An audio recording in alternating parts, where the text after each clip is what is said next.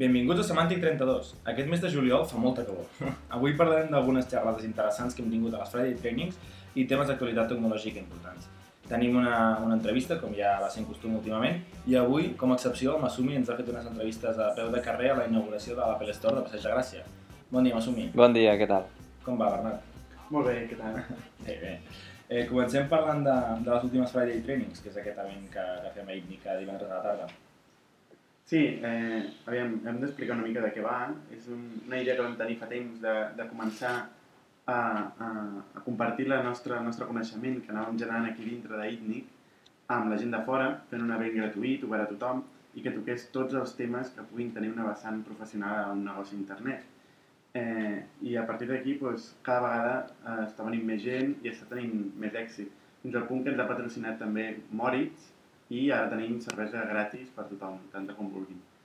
Eh, bueno, els últims events, Jordi, explica una mica. Han, han sigut Mindfulness, que Vam tenir, sí, novament parlem d'enginyeria, màrqueting online, negoci, internet, etc. i va fer una excepció, que era una xerrada sobre mindfulness, que, bueno, ara no em faci explicar de què anava, però era un tema de consciència plena i de tancar els ulls i pensar molt fort. Pensar molt fort. Molt interessant. Aquest jo el deixaré una mica a banda, però també vam parlar de, de Twitter i de com guanyar followers a Twitter i com fer un bon perfil. Sí, estratègia de I- Twitter. Bé, el, el primer que va coincidir amb l'últim semàntic va ser el, el de... Sí, Bueno, no va ser el primer, No va ser però va ser el primer amb una mica de ressò, que va venir Xavier sí Colomés. vam parlar en l'últim semàntic una i, mica ja. Sí, i va estar, va estar força bé. Llavors, el, el, el penúltim, La setmana passada la setmana passada va ser de mètriques en un negoci online, eh, vaig donar jo. Ah, sí? No, era, no eren amb micos? Sobre micos? No, no era sobre mi. Ah, d'acord. Era una metàfora en la qual et vas quedar amb. Sí. Ah, d'acord, sí, d'acord. Posarem un enllaç de la metàfora perquè Sí. no volem tornar-la a sentir. És molt interessant aquesta metàfora. Metàfora dels 12 amigos. Tots amigos, sí, sí.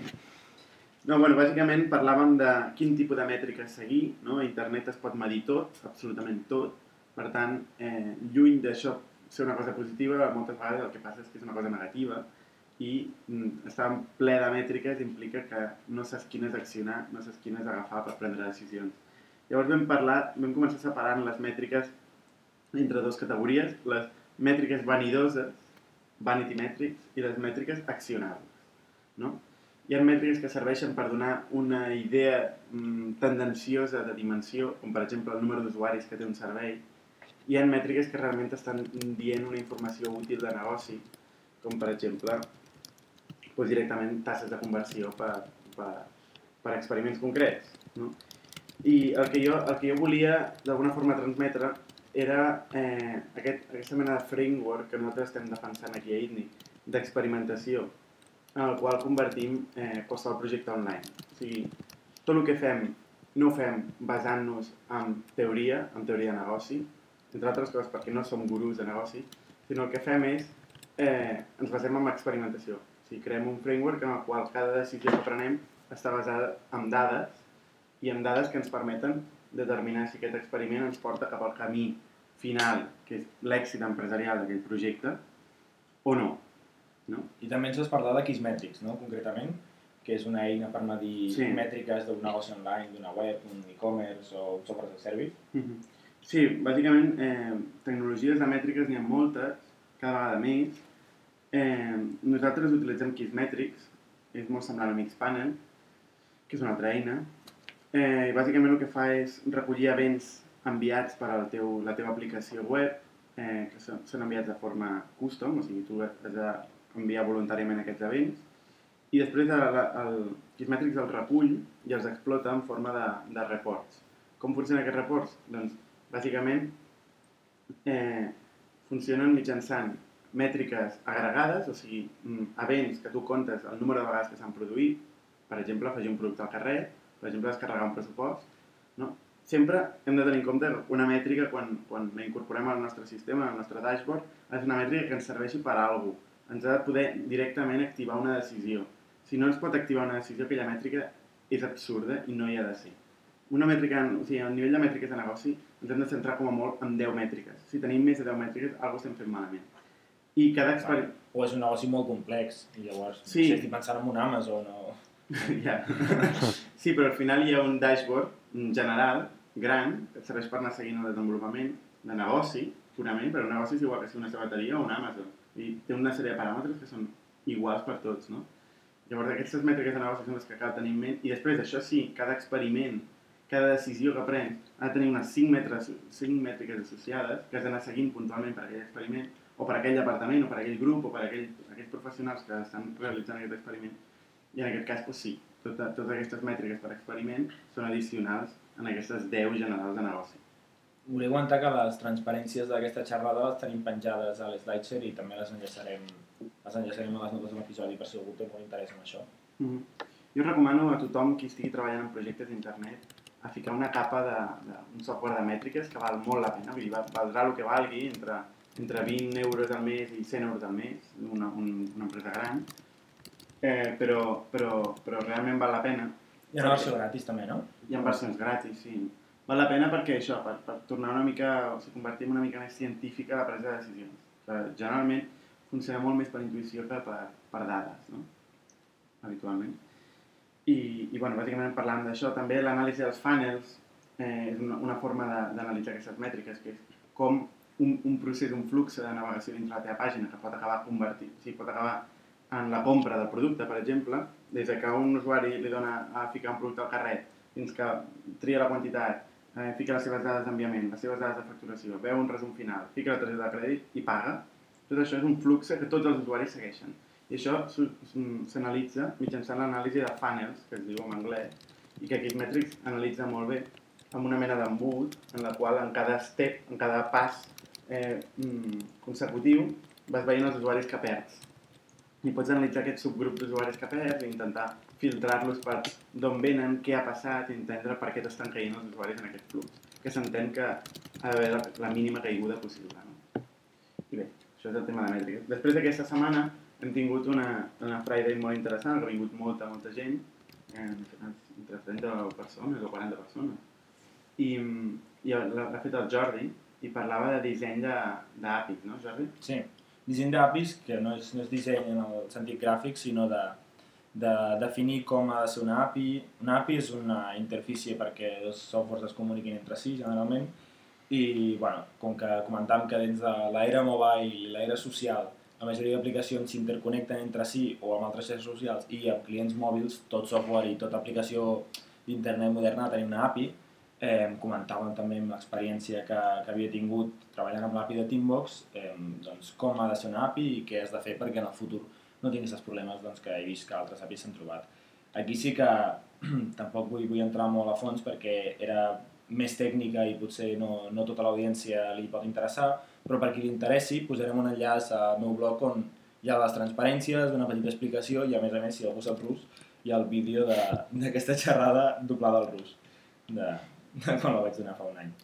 La vas donar a Moscou, no? De fet, originalment. Una, de fet, sí, era una xerrada sobre, sobre mobile i em van dir, volem que vinguis a xerrar sobre mobile. I jo vaig dir, és que no tinc ni idea de mobile, jo, jo no he treballat en mobile i em van dir, bueno, però volem que vinguis. I vaig dir, bueno, jo puc parlar d'APIs. I vaig crear una, una d'això que es deia APIs for the mobile era. I, I, en realitat, el dia de la presentació li vaig canviar el títol i vaig posar API eh, Design and More, que és el, el títol que té ara. Però el títol original era APIs per l'era mòbil, tot i que serveix per mòbil i serveix per qualsevol altra cosa. Però bueno, sí que era interessant perquè el, el públic era programadors mòbils, sobretot, que consumien i es feien APIs pròpies perquè la seva plataforma i l'aplicació mòbil es comuniquessin i, i com que sabien molt de mòbil, sabien poc d'APIs, diguem, els interessava aprendre per aquí. De fet, es va emplenar de, de molta gent de, de la Facultat d'Informàtica de Barcelona, casualment. Això el divendres, no? Sí. Sí, quan vaig entrar, de fet, vaig reconèixer gent que feia segles que no veia i que anaven... Sí, les noves generacions. Sí, les noves generacions. Gent jove de fi. Mm -hmm. Sí, hem de, hem de fer que, que aquesta, aquests esdeveniments s'acabin publicitant també a la pàgina de la FIP, per exemple, perquè... I el podcast. Mm -hmm. Bueno, i el podcast. Sí, tota l'audiència està convidada a, a una birra gratis. A... Cortesia de Moritz. Cortesia de Moritz. Són 72, no, per això? 72, sí, les que ens facin falta. Sí, no? Ah, sí, va, perfecte. sí, va escalant, això. Ah, va, cap problema. És tots els divendres a carrer Àlava 61, eh, sobre les 6 de la tarda, esteu convidats. Però bueno, això a inic.net hi ha dades de, de com va, Sí, ja, ja sí, podeu sí. mirar els detalls. Eh, un altre tema que va passar aquest divendres passat, quan, quan va haver la Friday de disseny d'APIs, és que va venir en Drew Neal, que és un expert en BIM, que és un editor de text que crec que algun cop n'hem parlat en el podcast, Podria ser. és un editor de text molt antic, eh, un dels dos clàssics junt amb, amb IMAX, i va venir a donar uns workshops de... Bueno, ell té una web que es diu Beamcasts, on, on són uns screencasts sobre Beam, fa temps que no els fa, eren gratuïts, ara el que fa és com uns workshops sobre el Dreamcast, i ell va ciutat per ciutat eh, explicant amb un grup reduït de, de 10-12 persones com ser un superprofessional del Beam. Tu, Masumi, vas, vas assistir-hi, no? Sí, jo vaig assistir al de la tarda, que eren 3 hores, i la veritat és que havia fet servir Vim durant potser 10 mesos que porto fent-lo fent, servir, però clar, faig servir les comandes bàsiques i quan les necessito. Vaig haver de buscar a Google com es feia copy-paste. De fet, llavors vaig trobar que hi havia un manual dins de Vim mateix. Vim Per... Exacte, llavors a partir d'aquí vaig començar a fer proves, etc. Però diguéssim que el que, com enfocava el Drew ahir al seu workshop era com optimitzar les, tas les tasques de repetició, sobretot. O sigui, tasques en què has de, has de fer un reemplaçament d'un cert patró dins d'un fitxer o diversos fitxers. Típic refactor. Sí, exacte i com fer-ho de manera òptima i sobretot fent servir un, els dot commands que, que parlava, que és uh, fent, fent, pitjant el punt es repeteix l'última acció que has fet. Però clar, aquesta última acció ell explicava doncs, com fer-la d'una manera molt, molt bona per tal que realment es pugui repetir aquest patró i vagi canviant en el text. Va ser molt interessant perquè realment no ho havia fet servir gaire i a partir d'ara espero fer servir. I ho recomanes a gent que... Jo ho recomano, ho recomano a tothom de fet, hagués estat bé que fos més llarg i, més, i, més, i durant sí. més dies, no? Perquè o, se'm va... Se'm, sí, no. tot el dia explicant BIM. Però a mi se'm va fer curtíssim, 3 hores que van, van passar volant. A més, ell eh, munta un tutorial que és, que és dins del mateix BIM i el pots anar fent servir molt, molt, molt fàcil. I realment ho recomano a tothom, si algun cop es fa algun altre, doncs que hi vagi, perquè està molt bé. En qualsevol cas, aquest, el Drew Neil, eh, té també un llibre de Pragmatic Programmer, no? Sí, que encara no té la versió està paper. Beta, està en beta, no? Està encara... de... Sí, la versió paper encara no està, però d'aquí poc sortirà. I si assistiu a un dels seus cursos, tindreu un cupó de 25% de descompte. Caram. I li hem fet la falca. eh... Beamcasts.org, no? Sí, sí, també anirem posant Posarem un enllaç, sí. Farem farcits d'enllaços avui. Doncs molt bé, estem aquí amb el Carles Rocafont, Rocafont amb guió, després potser ens explica el motiu.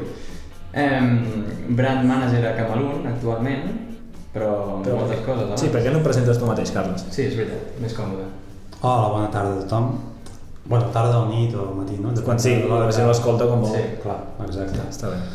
Bé, soc en Carles, uh, treballo aquí a Camalun, i bueno, moltes gràcies a, a l'equip de Semàntic per haver-me donat l'oportunitat d'estar de, de, aquí amb vosaltres, perquè us escolto sempre i us admiro i trobo que el que feu és molt interessant. I bueno, um, no sé, a veure, la, qui sóc jo? Doncs mira, ara mateix uh, estic treballant aquí de brand manager a Camalun i estic molt content, és una empresa que, que m'agrada molt i estic bueno, en, el, en el món del, del, del comerç online Uh, anteriorment he treballat en diferents uh, agències, sobretot uh, del món de, de customer service i de, de, de social media i, bueno, i ara estic aquí uh, treballant per la marca, que és el que m'agrada més, més que treballar per clients. I, i què, què, es fa treballant amb la marca? O sigui, brand manager, mm. què significa això en el dia a dia més o menys? Quin és l'objectiu? Sí, mira, porto el tema de comunicació de marca, o sigui, seria la, el tema online, la comunicació es fa sobretot per, per mitjans online, evidentment, o sigui, per blogs, per Facebook, Twitter, Pinterest, o sigui, per diferents plataformes socials, i també, sobretot, el tema de, de, bueno, d'aconseguir col·laboracions amb, amb diferents persones que es puguin interessar eh? per, per aconseguir repercussió. L'objectiu és simplement que la marca estigui a tot arreu o, o és algo diferent, o és un missatge en concret, o és evitar cert missatge? Sí. Bueno, més aviat a tot arreu, nosaltres tenim molt clar el nostre target, tenim un target que és la gent que compra per internet i nosaltres fem productes personalitzats, uh, sobretot xapes, imants, uh, enganxines o tasses o miralls, bueno, bueno, i tot. Sí, aquí, ja que soc... I, i tenim molt clar que tenim uh, un target bastant, uh, bueno, que tenim identificat aquest, aquest target que són uh, um, o sigui, gent que compra per exemple per, per events o per, per bodes, per batejos, Sí, sí, sí. i després per comiats de solter, etc. I per, també ja tenim un, un target que són dissenyadors, I a etcètera. partir de, del target Mm. defineixes la marca o la marca és independent del target? Home, té molta relació, el que passa, però trobo que és important definir el to de comunicació que volem donar. Això forma part de la marca. El Sí, to sí. forma part de la marca. I en el nostre cas vam decidir en un moment donat que donaríem protagonisme a la mascota. No som una marca que tenim una mascota, com la gent deu saber, que és, curiosament, és un extraterrestre que es diu Camalun, com la marca, que va venir al planeta Terra i bueno, és, és un, un extraterrestre que ens estimem molt i que li estem donant bastant, o sigui, bastant protagonisme amb la comunicació.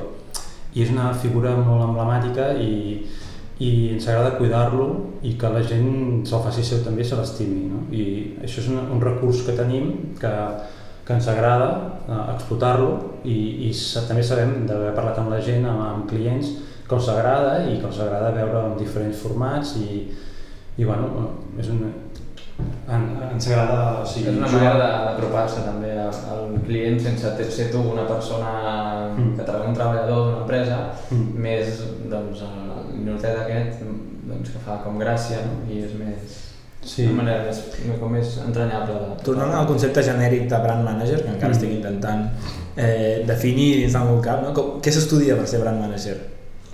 A veure, jo penso que s'estudia sentit comú. Vale, no, això no s'estudia. No s'estudia. Fa falta sentit comú. No, fa falta molt sentit comú, però com a qualsevol feina, no? Però és, té a veure amb publicitat, amb màrqueting, Té- amb, té amb lletres, no sé. Té molt a veure amb la comunicació en general Sí. eh? i també amb el tema de màrqueting, perquè evidentment el que volem és vendre i vendre més. I, i evidentment el que volem aconseguir és que la gent estigui contenta amb la nostra marca, que hi ha moltes maneres perquè la gent estigui contenta, una, una d'elles és que donem un bon servei, un bon producte, perquè aquestes persones eh, tinguin ganes de, de parlar de nosaltres, no? el que se'n diu el word of mouth. Sí. Eh? O sigui, el WOM, això famós que s'està posant més de moda ara, Boca orella, no? Sí, és una cosa que, que realment ens interessa moltíssim i intentem explotar-lo molt. O sigui, ens interessa que la gent estigui Però per què s'estudia per, per aconseguir això? Sí, en el meu cas, a veure, en el, en el meu cas no he estudiat relacions públiques o publicitat o res d'això perquè jo tinc una trajectòria i he vingut de- d'altres sectors, però vaig, vaig arribar a, vaig, fer, vaig fer el curs de Brand Community Management a la Salle, a la primera edició que va ser l'any 2010 i això em va ajudar molt a, a entendre més eh, la marca, no? entendre més eh, la simbologia i tot el que envolta la marca. No?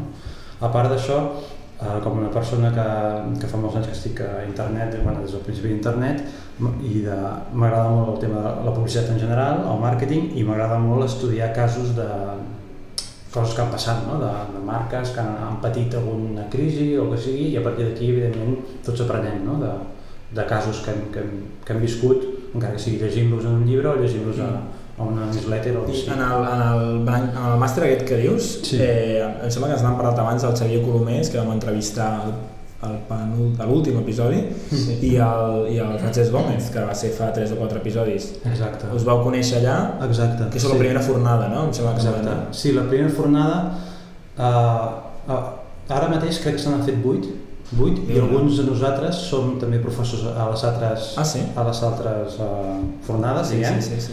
com el Xavier o, o com el Francesc, Gómez, el Francesc Gómez i, i realment jo penso que la, la primera fornada va ser, va ser molt interessant perquè era un, un tipus de gent que tenim una inquietud molt gran per aquest món, que parlo de l'any 2010 que fa només dos anys, però, però sembla que sigui com...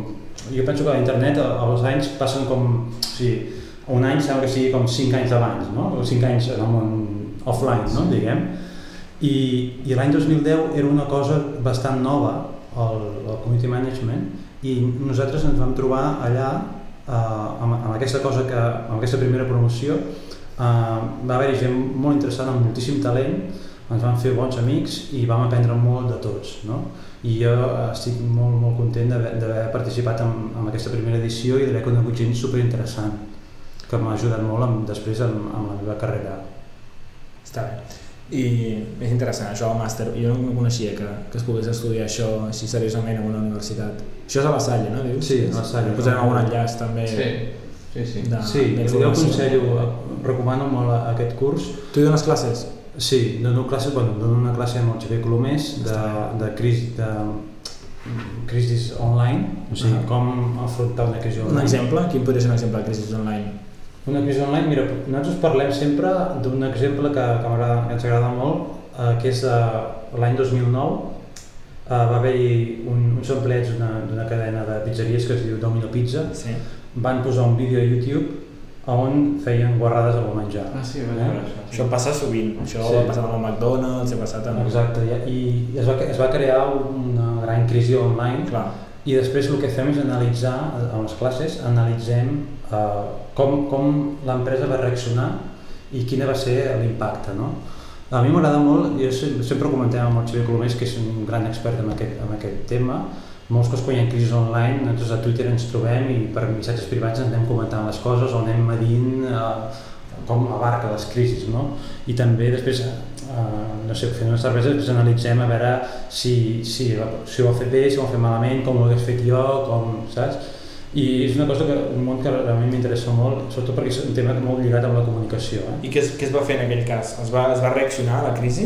Sí, es va reaccionar, jo penso que es va reaccionar molt bé, Com, com Va- així a grans trets? Sí, t'ho explico així molt, molt Sí, ràpid. sí. Va ser el president de, de, de la companyia de la secció dels Estats Units va fer un vídeo, ell, de YouTube, explicant, explicant tot el que farien. No? I, va, i va fer, va fer un, com un comunicat d'uns 3 minuts que ha abarcat tots els temes que havia de tocar, que havia de tocar. O sigui, jo trobo que és un tema, és molt interessant com ho va fer i la manera com estava, i, i en el, les classes aquestes analitzo fins i tot com està posat ell, com està posada la càmera, eh, la seva postura, les paraules que fa servir, el tema semàntic, eh?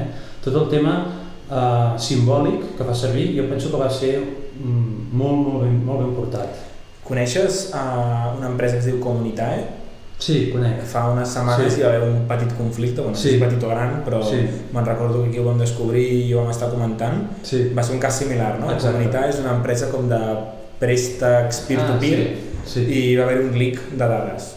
Una Sí. persona va, tinc entès que era com un ex-empleat Sí. o així, va fer veure que per error enviava una llista amb dades confidencials de préstecs que s'havien fet a tots els usuaris de la base de dades. Què es va fer? Saps, saps què es va fer per Sí. això?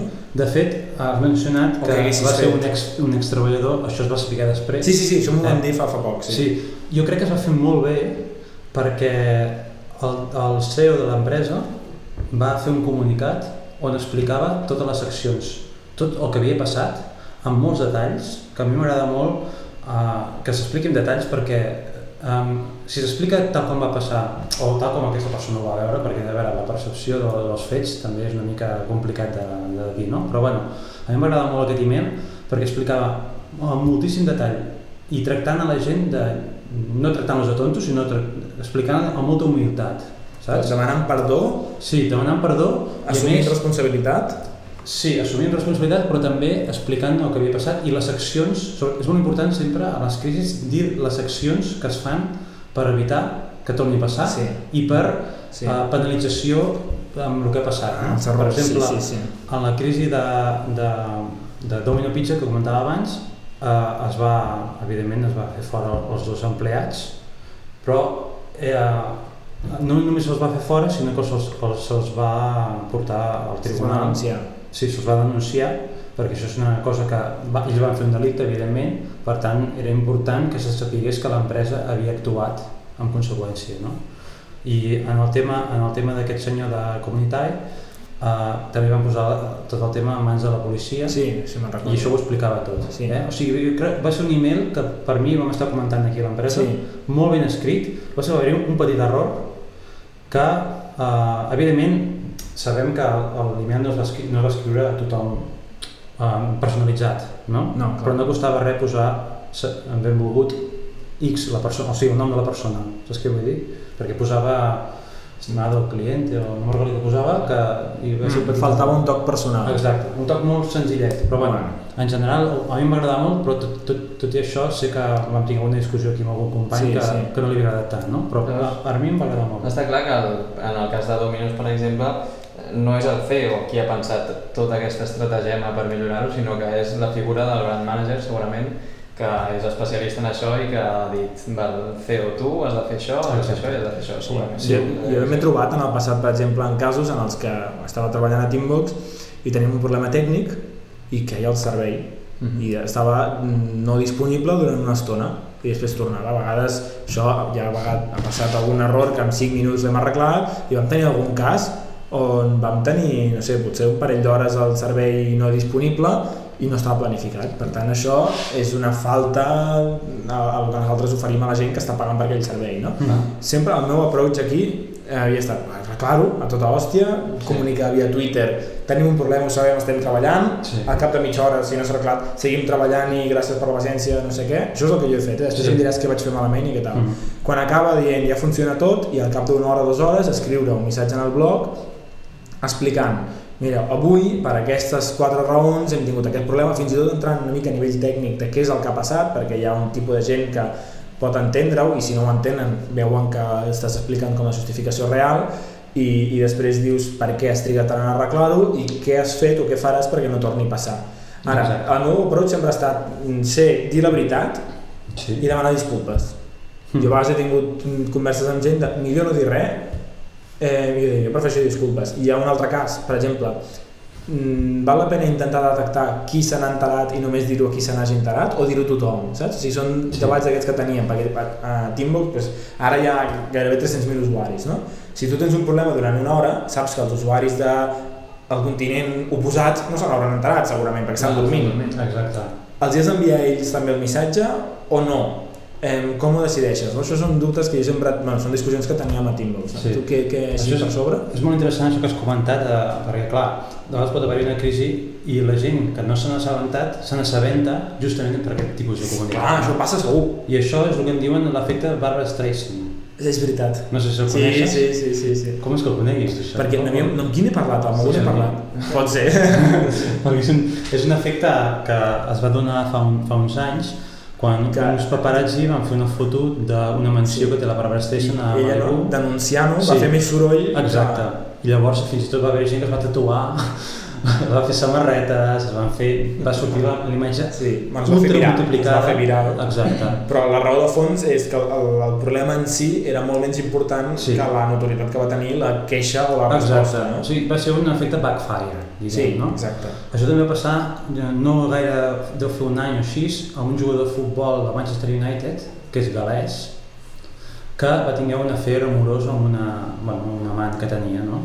Eh, en aquell moment ell estava casat i pel que sigui se'n van assabentar molta gent i un diari sense una vista va, va dir-ho i després un jutge va dir que no podia dir el seu nom però tothom sabia que era ell al final tothom ho sabia però no podien dir el seu nom. I deien senzillament un futbolista galès del Manchester United que només n'hi ha un. Saps? i això també va ser un efecte backfire molt important no? això que deies abans també de dir la, sempre la veritat és molt important jo penso, no tractar la gent de- d'estúpids i després hi ha una... No, però pots amagar les veritats, no? Uh, bueno, És una qüestió política gairebé, no? Sí, però... A veure, cosa és dir tota la veritat, que no, tampoc no cal que la diguis tota, però no mentir, això sí, sí, no mentir, no? Perquè hi ha, uh, hi ha una teoria que en diuen Image, image repair, repair Theory, que a mi m'agrada molt estudiar-la i, i de fet uh, en parlo quan faig la, la, meva, la meva exposició, que un, un dels temes és el que has dit tu, demanar disculpa seria mortification, que seria un, un dels passos, però també hi ha um, shift of blame, que Sí. també com cops es fa, Projectar la culpa a un o tercer, l'altre. no? En, en el cas, per exemple, de Domino Pizza, era, evidentment, el, el culpable van ser els dos treballadors. Clar. Però el que no podia fer el, el, la persona que va, que va comunicar-ho és senzillament centrar-se en això, perquè evidentment eh, era un problema seu. No? I ara dic un exemple que m'ha passat justament ahir eh, amb Camalun, ho puc dir perquè bueno, és una cosa, bueno, un client nostre de Portugal eh, li vam enviar la comanda a temps, normal, com sempre fem, i em va enviar un email i em va dir Carles, que, bueno, no em va dir Carles, em va dir, Senyors Camalun. senyors de Camalun, que no, els de, els de DHL han enviat la comanda a Angola, En comptes de... en comptes de Portugal, Ah, o sigui, a un poble que es diu Castelo Branco, bueno, una ciutat. Angola. Angola. Jo vaig pensar, però què diu aquest home? I el que vaig fer va ser comprovar la comanda, la comanda estava ben, ben feta, tot, tot estava perfecte, que s'havia d'enviar a Castelo, Bra Castelo Branco. Llavors vaig, vaig comprovar de seguida amb, DHL i si s'havien equivocat els, els senyors de DHL, que són una agència, una agència de transport boníssima, de les millors del món, que nosaltres confiem molt en ells, però clar, evidentment pot haver-hi algun, algun error de vegades, Sí, no? sí. De seguida ens vam posar en contacte amb Deaquela, eh, amb el senyor que, damnificat, diguem, en aquest cas era unes xapes que eren per una festa que començava al cap de dos dies o així, el que vam decidir al final és eh, moure molt ràpid el tema de Deaquela perquè l'entreguessin de seguida eh? i al mateix temps vam fer una altra, una altra, una, una altra Comanda? comanda Idèntica. Sí, bueno, una part d'aquesta comanda, sí. perquè que era més urgent, que un cop parlant amb el senyor, li vam enviar de seguida superràpid. Vale? Per què? Perquè, uh, evidentment, la culpa no era nostra, però nosaltres havíem de responsabilitat No, sí, sí, sí, perquè és el nostre sí, servei, sí, sí. és complet. Per tant, el que no podíem fer és rentar-nos les mans i dir, ui, això no és problema nostre. El que vam fer és, nosaltres vam pagar i vam enviar un altre enviament i uh, d'aquella també que ha tornat. Per tant, uh, el més segur és que avui si ja, ja tenia els dos enviaments, no? o demà, em sembla que, bueno, ara no sé exactament quan, però ho tindrà tot a temps, no? diguem. I aquest senyor fins i tot em va dir, hosti, uh, moltes gràcies, estic superagraït i ja us pago jo l'enviament. I li vaig dir, no, no, això és culpa nostra. És culpa nostra i t'ho paguem nosaltres i tu no has de pagar res. Jo penso que així és com es tracta el client, no? Això té un Ah, cost per això, no? Té Com a empresa, cost. vull dir, quan tu fas una previsió, no sé fins a quin punt realment es Sí. fa aquest càlcul bé o simplement s'ha de fer i punt. Sí, a veure, evidentment s'ha d'analitzar cada cas, no? En aquest cas vam, vam veure que, que podíem fer-ho i, i a més... Sí, no, no, home, no. El, el més important és que el client estigui content, també perquè dèiem abans, no? Perquè primer, primer de tot perquè ens interessa que estigui content, no? I perquè ell tenia un compromís perquè havia d'entregar les xapes a qui sigui, no? Sí, sí, sí. I, i l'altre és que aquest senyor està supercontent amb nosaltres ara mateix. I, i ell parlarà bé de nosaltres, li parlarà amb el seu nebot, tornarà a comprar. I, i probablement, sí, exactament, proba- probablement parlarà molt bé de les... Potser té un blog, potser té... Qui, saps què vull dir? Sí, sí, sí, sí. I això ens interessa a nosaltres també. Per tant, el, el que hem pagat de més probablement ens ha sortit a compte, no? Vull dir, és un exemple. Que... I amb el tema del brand management, eh, el customer support també està molt relacionat, no? perquè és com una manera directíssima de parlar, no amb el Sí. teu target, sinó amb la fracció del target real, que són la, teu, la teva base d'usuaris i base de clients, o, Sí, o com ho digueu. Sí, el, el customer service és molt interessant en e-commerce perquè a mi m'agrada agafar trucades, m'agrada estar en, en, en, en, el, en aquesta secció també perquè estudiem molt el, el que diuen la gent, no? Perquè molts cops, en, sobretot en e-commerce, els temes d'usabilitat Mm. eh, és complicat, com molt bé saps. Bueno, no només en e-commerce, jo també comento la meva Bueno, experiència tot, amb sí. Teambox, Sí. no és un e-commerce Ah, bueno, i la gent enviava e-mails de no aconsegueixo trobo- crear una llista de tasques Exacte. i li dius, per què no? Diu, perquè li dono el botó i no va. I dius, és que aquest botó eh, Ah. és per quan no sé què. Diu, ah, Exacte. jo no ho havia entès. I realment dona un feedback molt bo. Exacte, per tant, el parlar amb la gent és, una, és això, una informació supervaluosa que després podem aplicar amb les millores que estem fent sempre, no? Mm. Perquè quan algú està en una reunió de pissarra i diu hem de fer això, hem de fer allò, sempre és important que hi hagi algú que parli amb el client, que, que, que sàpiga el que pensa el client. I els clients es pensen això. I diu, però si allà posa, ho posa ben gran. Però que el, Jo client es poso gran, pensi, però no ho veuen. que el client es pensi alguna cosa vol dir que ha de ser així? Perquè clar, de clients, si n'hi ha 100.000, potser pensen 100.000 coses diferents i no Ja. faràs 100.000 versions. Evi- No, evidentment el que ha d'haver-hi és... Uh, no, uh, o sigui, hem d'analitzar uh, la- l'analítica de tot això, no? Si hi ha una persona que ens diu una cosa, serà que aquesta persona ho ha llegit malament o el que sigui, però si hi ha diverses persones que ens ho diuen, vol dir que probablement podem fer un canvi i després mirar a veure si aquest canvi ha funcionat, no? A-B testing aquests que parlàvem l'altre dia. A-B testing, sí, n'hem parlat diverses vegades, sí, amb el Sí. Xavi Colomés, Sempre, especialment. tots els canvis que es fan, sempre analitzar a partir de quin dia es fan i, i, bueno, i a, a veure si, si millora i després perquè nosaltres ens hem trobat moltes vegades que hem rebut trucades per cert tema, hem canviat certa cosa i a partir d'aquell moment ja no tenim aquestes trucades, Sí, no. no? Per tant, és una... Bueno, les millores sempre sempre s'han de fer i, i sempre es fan, no? Vull dir, i la informació que ens dona eh, que ens dona el, la gent que ens ens envia e-mails és superimportant. És, és complicat, jo interpreto de d'analitzar, fer l'analítica que dius tu és molt més difícil fer l'analítica d'una trucada Mm. que de dades de ràtios de conversió de sis passos perquè clar, aquells ràtios ja tens una fórmula que et Mm. diu l'has pujat o l'has baixat Exacte. amb trucades se m'ocorre que potser hi ha maneres d'introduir això en un sistema i dir queixa sobre el procés de compra en el pas 4 no sé, i, i eventualment acabar tenint una ràtio de conversió o una ràtio de queixes però això no es fa o no conec ningú que ho faci així No. fins a aquest punt de tenir una analítica amb un volum considerable, no sé, potser Amazon ho fa, saps? O sigui, sempre poso l'exemple d'Amazon, no? com a Mm. e-commerce macro Sí. brutalment gran, potser sí que quan reben un- una trucada, és que estic en el procés de shipping i no he entès això. Ells potser marquen en un formulari, problema en el procés de shipping, i com que Mm. tenen tantíssim volum, Sí. ho estudien, però sí, és un Nosaltres repte. el que, el que fem és tenim una base, o sigui, la informació que ens donen intentem posar-la posar a veure, analíticament és quasi impossible, no? Dic, penso, perquè... Formalitzeu. Sí, sigui, per exemple, el nivell d'enfadament 80, no, això no. no Bueno, això hi ha gent que ho fa. A Ba- Basecamp, per exemple, Sí. coneixes Basecamp de 37 Signals, és un software de Sí. project management. Sí, sí. Eh, quan tenen un suport per e-mail, quan acabes t'envien un e-mail que et diuen avalua si estàs satisfet. Vale. I, I hi ha satisfet, que és una careta Sí. verda somrient, Sí. insatisfet, que és vermella, i indiferent, que és una blanca, així d'això. Sí. I amb això fan un ràtio i ells, pues, eh, diguem, mm, com es diu, xulegen o farden, no sé quin és el nom més formal d'això, de, de tenir pues, un 90 tant per cent de gent satisfet amb el customer support. És una, és una mètrica. No sé fins a quin punt és No, jo trobo superbé. certa, però ells Bueno, ho fan així. Ens trobo superbé. Per exemple, amb, amb, amb Apple, quan fas una compra, sí. canvien un e-mail amb el rebut i a vegades a baix posen, una, no sé si sempre, a vegades posen un enllaç que és una enquesta. Ah, sí. I llavors pas que la és majoria de com- gent no contesta. Sí, això és com telefònica, quan atès, Sí, després sí. dius, voy a passar una Uf. encuesta. Clar. i, molt, i molts cops triguen 20 minuts en, en sortir l'enquesta i bueno, en 20 minuts no, està molta estona allà i no sent res i al final penges. Parlant de marca, ha sortit Telefònica i Apple, no? que potser pot, vindrien a ser els extrems de, de bona gestió d'una marca o de, o de resultat, no ho sé. Penses Home. en Apple, Jo penso... el resultat és bo. Sí, jo penso que Apple ha, ha aconseguit una cosa que és el somni de qualsevol marca, que és tenir un nivell de religiositat no? amb, amb els seus clients i hi ha poques marques que puguin aconseguir això. No? Home, que es mori el director general i hi hagi com funerals a nivell mundial, Mm. és, és de nivell de secta, no? Gairebé. Sí, religió. Sí, sí, senzillament i he vist, o sigui, jo, uh, jo soc usuari de- d'Apple, Sí. sí. tot, tinc tot Apple, però no soc de la religió, sempre ho dic, no? Sí, sí. I a vegades em diuen, sempre estàs criticant Apple i tot tu tens Apple. I dic, sí, perquè m'agrada, però no sóc d'aquest tipus de, de... O sigui, tots estem eh, esbiaixats, no? Tots tenim bias, que diuen, Sí, no? sí, sí.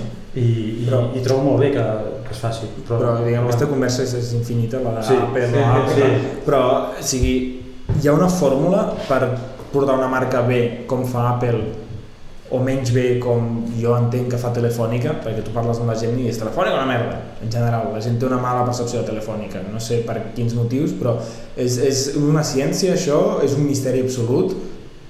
No, no ho sé, la veritat és que no ho sé, però en el cas de... El que està clar és que hi ha marques que estan més exposades a, a les crisis, com per exemple les telefòniques, penso. Però per què? Per què? què? un exemple més bo, Microsoft i Apple. Microsoft té mala imatge, tot i que jo soc defensor de Microsoft perquè crec que han fet coses molt meritòries. Han fet cagades, segur, però Mm. per què ell és tan, tan oposada la imatge que té la gent de Microsoft amb Apple?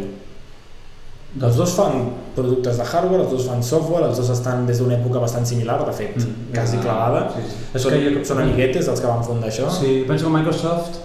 Microsoft... No passa res. va ser...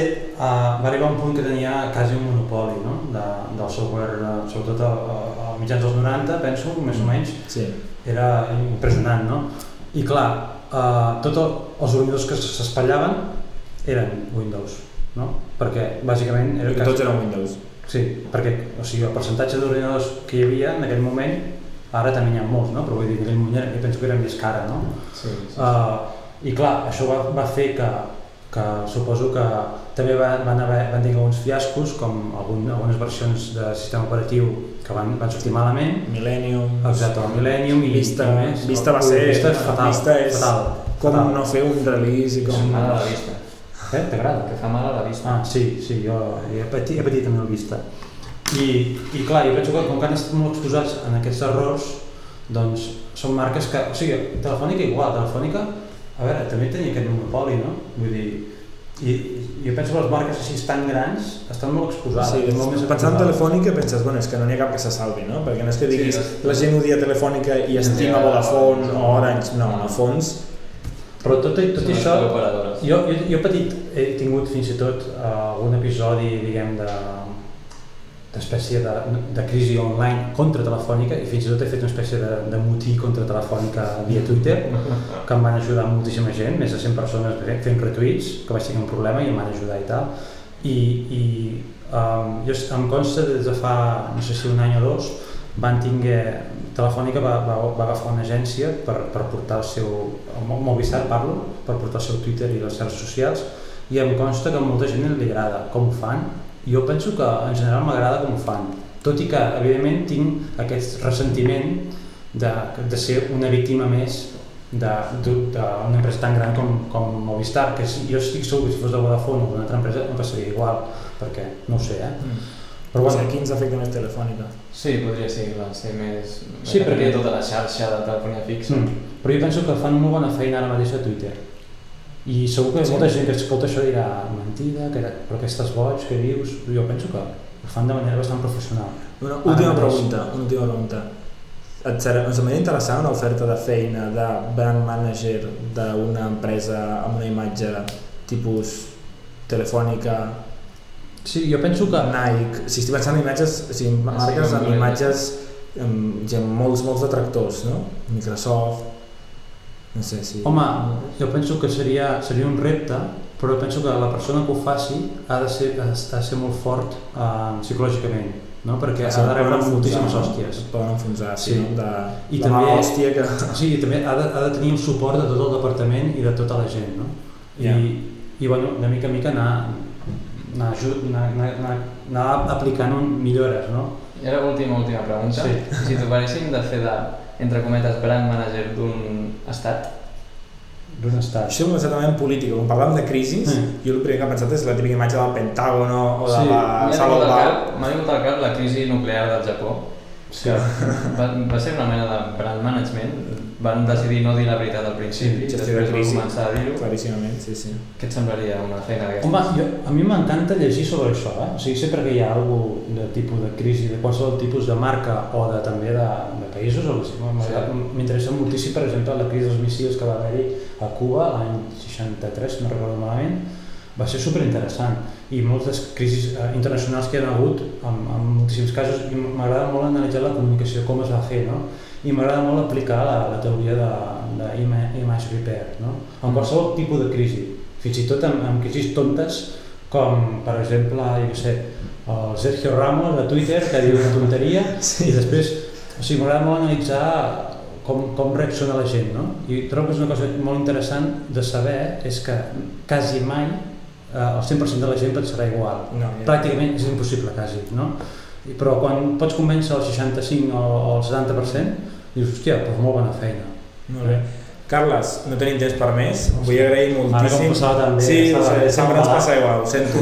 Eh, bueno, hem disfrutat moltíssim parlant amb tu, t'ho volem agrair molt i també volem comentar, a part de que tens algun blog que vulguis ja de passar de parlar o el teu compte de Twitter, Lo he perquè- tenido, he mi libro.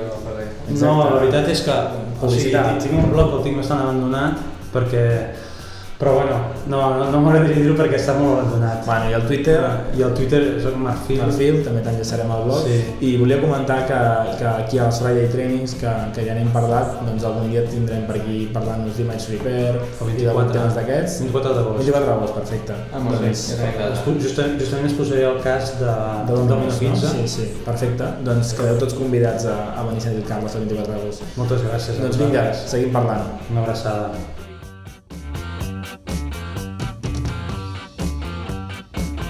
Bueno, avui us volia parlar també de... Avui és, és 28 de, de, de juliol, dia de la inauguració de, oficial per la, la de premsa va ser abans d'ahir, però avui és la inauguració oficial. De què? Espereu, espereu, tranquils. De l'Apple Store de Passeig de Gràcia. Ja podeu cridar, respirar. Esperadíssima, fa anys que es parla de l'Apple Store de Passeig de Gràcia. Fa mil·lennis, mm, rumors, hi havia rumors, hi havia... Havia vingut Steve Jobs en persona a passejar per Passeig de Gràcia Sí. a, intentar, a intentar comprar la botiga del Mango, em sembla que era. Sí, exacte. Així, no? de, Bueno, va competir, a, si era el Banc Sabadell, va competir Sí, amb Mango, al final sí. s'ho va quedar Mango, però crec que s'han quedat amb la millor que hi ha. Cosa. és Passeig de Gràcia número 1. Passeig de Gràcia número 1. Sona bé, ja. Sona, sona molt bé.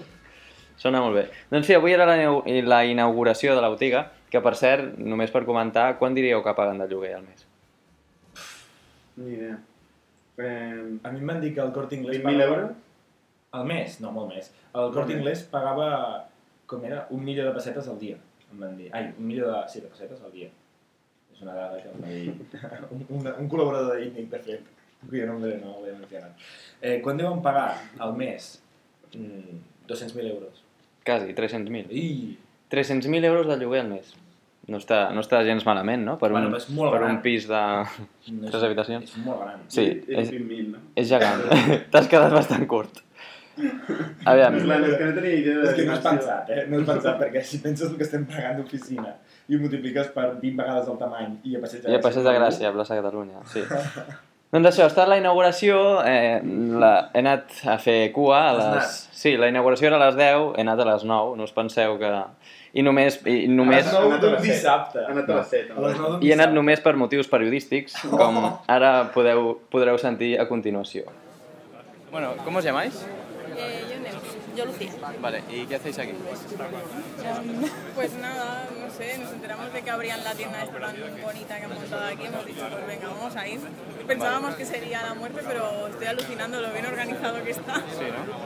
Sí, ¿Y sí. pensáis comprar algo o simplemente visitar?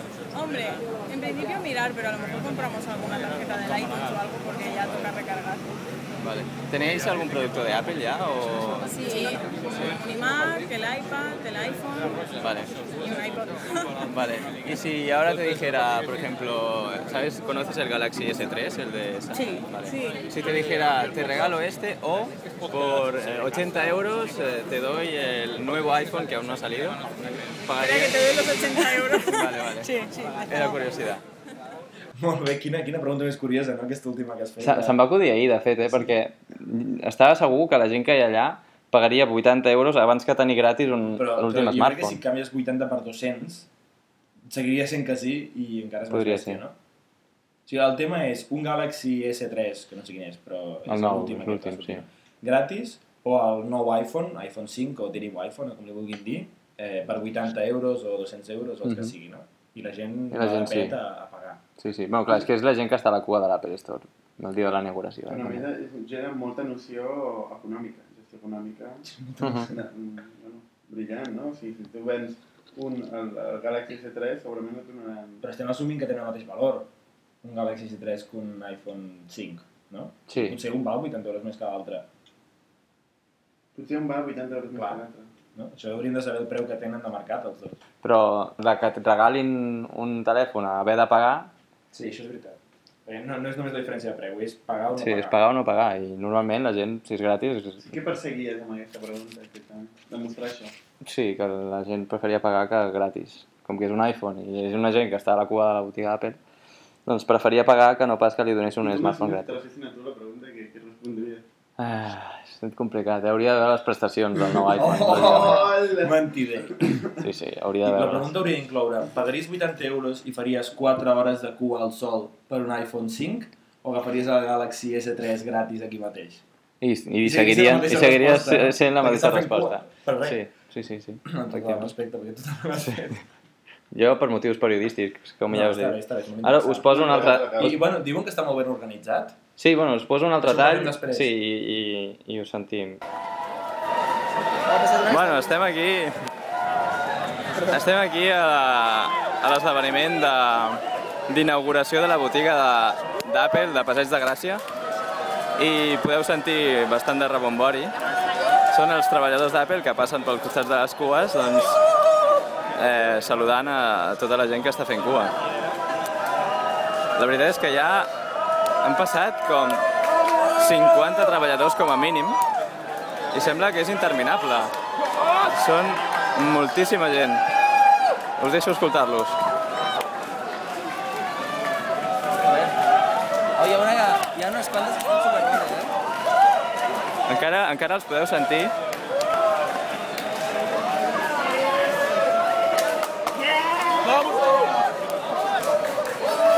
Hola! Però per quan t'estàs portant, ja?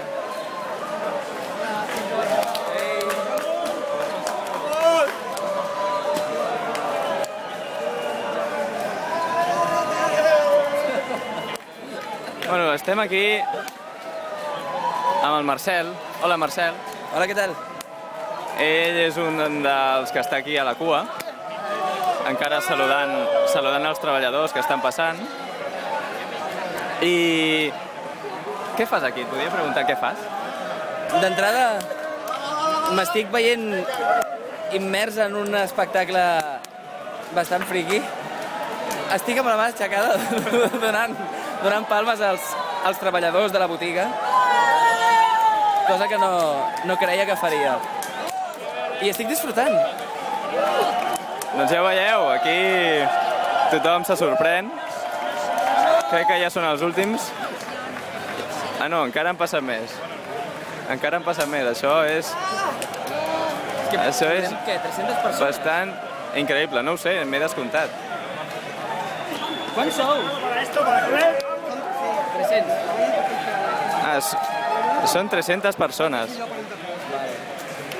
Són 300 treballadors a la botiga de Passeig de Gràcia. Increïble. Tenies pensat comprar alguna cosa?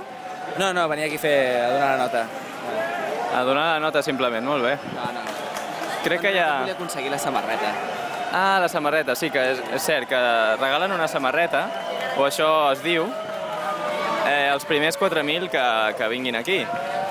Llavors, aquesta és una de les raons per les quals hi ha bastanta gent. Tinc un acudit. Pel... Encara passa més gent. Dicen que regalan 4.000 camisetas a los primeros, ¿eh? Y dices, ¿y qué quieres hacer con tantas camisetas, eh? Un acudit molt dolent, com podeu veure. Que vais por la tercera vuelta ya. Espectacle friqui, eh? Com deia l'amic Marcel. Sí. Eh, la veritat, aviam, eh, llegint comentaris al Twitter veies, veies molts comentaris com de insult, fins i tot, que s'arriben a veure cap a la gent que està fent cua, que hi ha gent que penseu que porta des de les 12 de la nit fent cua a la botiga. Un pot pensar, "Uf, que friquis, que no sé què, no. però clar, no, sí, aviam, no, no, aviam. Però que, el Friquis, que, friquis sí. Sí, però el que realment hi ha alguns comentaris que són realment molt ofensius, que jo crec que la gent s'hauria de controlar una mica. Són gent que és feliç així i per què, per què els hi has de treure, no? O sigui, sí, és un hobby. sí, Hi ha és, gent que té de hobby anar a l'Apple Store. exacte, hi ha gent pues, que va als concerts de Justin Ara és- Bieber. és- Exacte, és això, vull dir, És el mateix. Una, una estrella d'aquestes de... Sí. Sí. Un cantant o això, Sí, sí, o sí. una estrella de cinema... Un jugador de futbol, eh? Al final és tot el mateix. Veus el mateix fanatisme. I, Sí, sí. I una cosa no, no, no té més mèrit o més, més No. sentit que una No, no, altra. és el mateix. Clar, jo quan era allà he pensat, jo vull tenir, vull ser el president d'una empresa que generi aquest, Exacte. aquest, Jo aquest, això, Això és el meu pensament també. O sigui, dic, perquè és increïble. Quin és, quin és el procés de, de, de, de customer care o de, o de tractament o, O de màrqueting. o de servei, de o de servei ofert al producte. client per haver arribat en aquest punt, no? I això en el fons és un, és un èxit brutal de- de- d'una empresa. Ja hem vist que en la, a la primera entrevista la noia deia que es pensava que seria un caos, un follon, i que ha vist que estava super ben organitzat, i és que és veritat. Això és molt difícil per començar. No? Sí, en un esdeveniment com aquest, que hi havia moltes, moltes persones, no, no, no, suposo que les notícies sortirà una xifra, però jo no, no, no sabria estimar-ho, però moltíssimes persones, he vist que hi havia, des del principi ja estaven organitzades eh, la cua, en lloc de ser per tot Passeig de Gràcia, tota seguida i unida, clar, hi ha botigues allà a Passeig de Gràcia que la gent hi ha de poder entrar i creuar pels passos de zebra, etc. Llavors el que havien fet ha estat fer com uns mòduls de cua separats, deixant espais eh, a les entrades de les botigues de Passeig de Gràcia perquè la gent pogués entrar.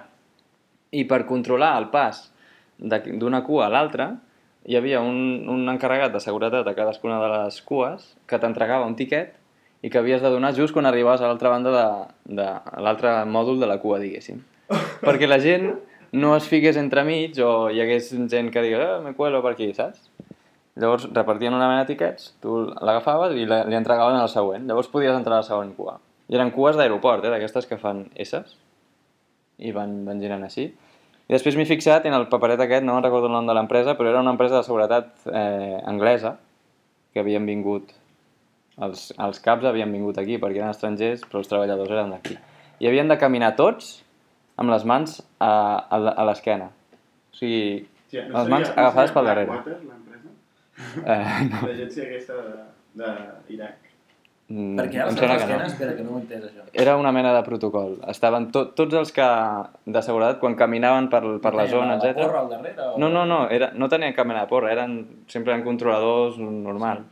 I, I això, anàvem amb les mans al, al darrere tota l'estona com dient, no, no, no, com, com transmetent que ells no podien entrar en contacte no, amb, amb cap persona. Era, era, molt, era molt curiós, hi havia una mena de és com protocol. Per, per, per no amenaçar. Sí, jo crec que una, una, una mena de cosa així, per no mostrar com soc de seguretat, soc superior a tu, no, diguéssim. És com molt japonès, no? Aquestes poses. Sí, jo crec que sí. Però és una empresa especialitzada, es dedica a això, a fer cues, suposo, No, entre altres coses. estudiat. Si ho han fet aquests, segur que està estudiat. Doncs mentre a la cua doncs, et repartien aigua, cada... he estat a la cua una hora, em sembla, han passat quatre cops a Què més, repartir què més aigua. repartien? Què més repartien? Eh, no, això és el que repartien a la cua. Llavors, un cop a dins, eh, hi havia un... A, a tots els treballadors d'Apple, bueno, tots no, òbviament, perquè n'hi ha molts, però una sèrie de treballadors d'Apple a les escales d'entrada havien fet un passadís per on tu havies de passar pel mig i Corejaven, et no? corejaven, sí. cridaven, cantaven, una cosa bastant increïble, i et donaven una samarreta. Això és el que hem sentit, no? No, això, el que sentíem era gent passar, mentre érem a la cua, Encara anaven donant voltes per tota la cua. O sigui, a dintre encara més... I a, i a dintre encara més, perquè Vale. cantaven cançons, bueno, no. Una mica pel·liculero, no, això? Sí, molt pel·liculero. Molt, molt yankui, Molt diguéssim. yankee, yankee. sí, però fins Molt a un yankee. punt que fa grimeta, no? Sí, sí, era com o sigui, estrany. Una mica vergonya. Però fa grimeta, però bueno, és, és, és la gent, no? Vull dir, Ja, ja, però imagina que tu vols comprar uns auriculars i et fan el tinglador Sí, i aquest. vas al dia de I vas a-. Bueno, tu Com estàs... assumir que no vas als auriculars. No, m'assumi anava en qualitat de periodista, Sí. sí. amb el carnet acreditat. Sí, superacreditat. Doncs, eh, i això, fi- a dins et repartien una samarreta, que molta gent ha anat com doncs, és? per aquesta La- samarreta. Podrem posar una foto a... a... Sí, sí, sí, és una samarreta amb el logotip d'Apple, amb un trencadís, Ah, vale, la a la, imatge aquesta... tipus Gaudí, que està van fet amb les a aplicacions. palla, no? Sí, exacte. I al darrere posa Apple Store Passeig de Gràcia. Ui, veiem una caixeta... Sí, ve una, ve una caixeta, com la podeu veure aquí vosaltres, però els oients pobres no. Packaging... Però típic packaging, eh? sí, típic Sí, packaging sí. de d'Apple, no? Escotrillo, Llavors, hòstia! Ho obres Retiro el que he dit. i la capsa eh, per dins té el trencadís, diguéssim, Me cago en dena. Però dibuixat aquesta a tota la capsa. gent, Quan es gasten aquestes? I hi ha la samarreta dins embolicada, Feta un, ro un rotllet. feta un rotllet, i bueno, la podeu veure. Tachant. Ostres, tu. És, És increïble. La samarreta Mare meva, això, bueno, val milions. val milions, eh? Amb el Això trencadís està a d'Apple. eBay, no? Ja. Apple Store, Passeig de Gràcia, aquí al darrere. Hi havia gent a la cua, he de dir, que duia la samarreta Apple Store, la maquinista.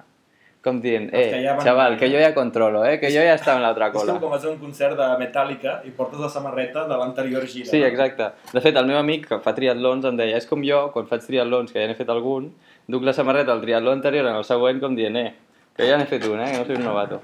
És eBay, exactament el mateix. Estic buscant a eBay si trobo, si trobo això i no trobo.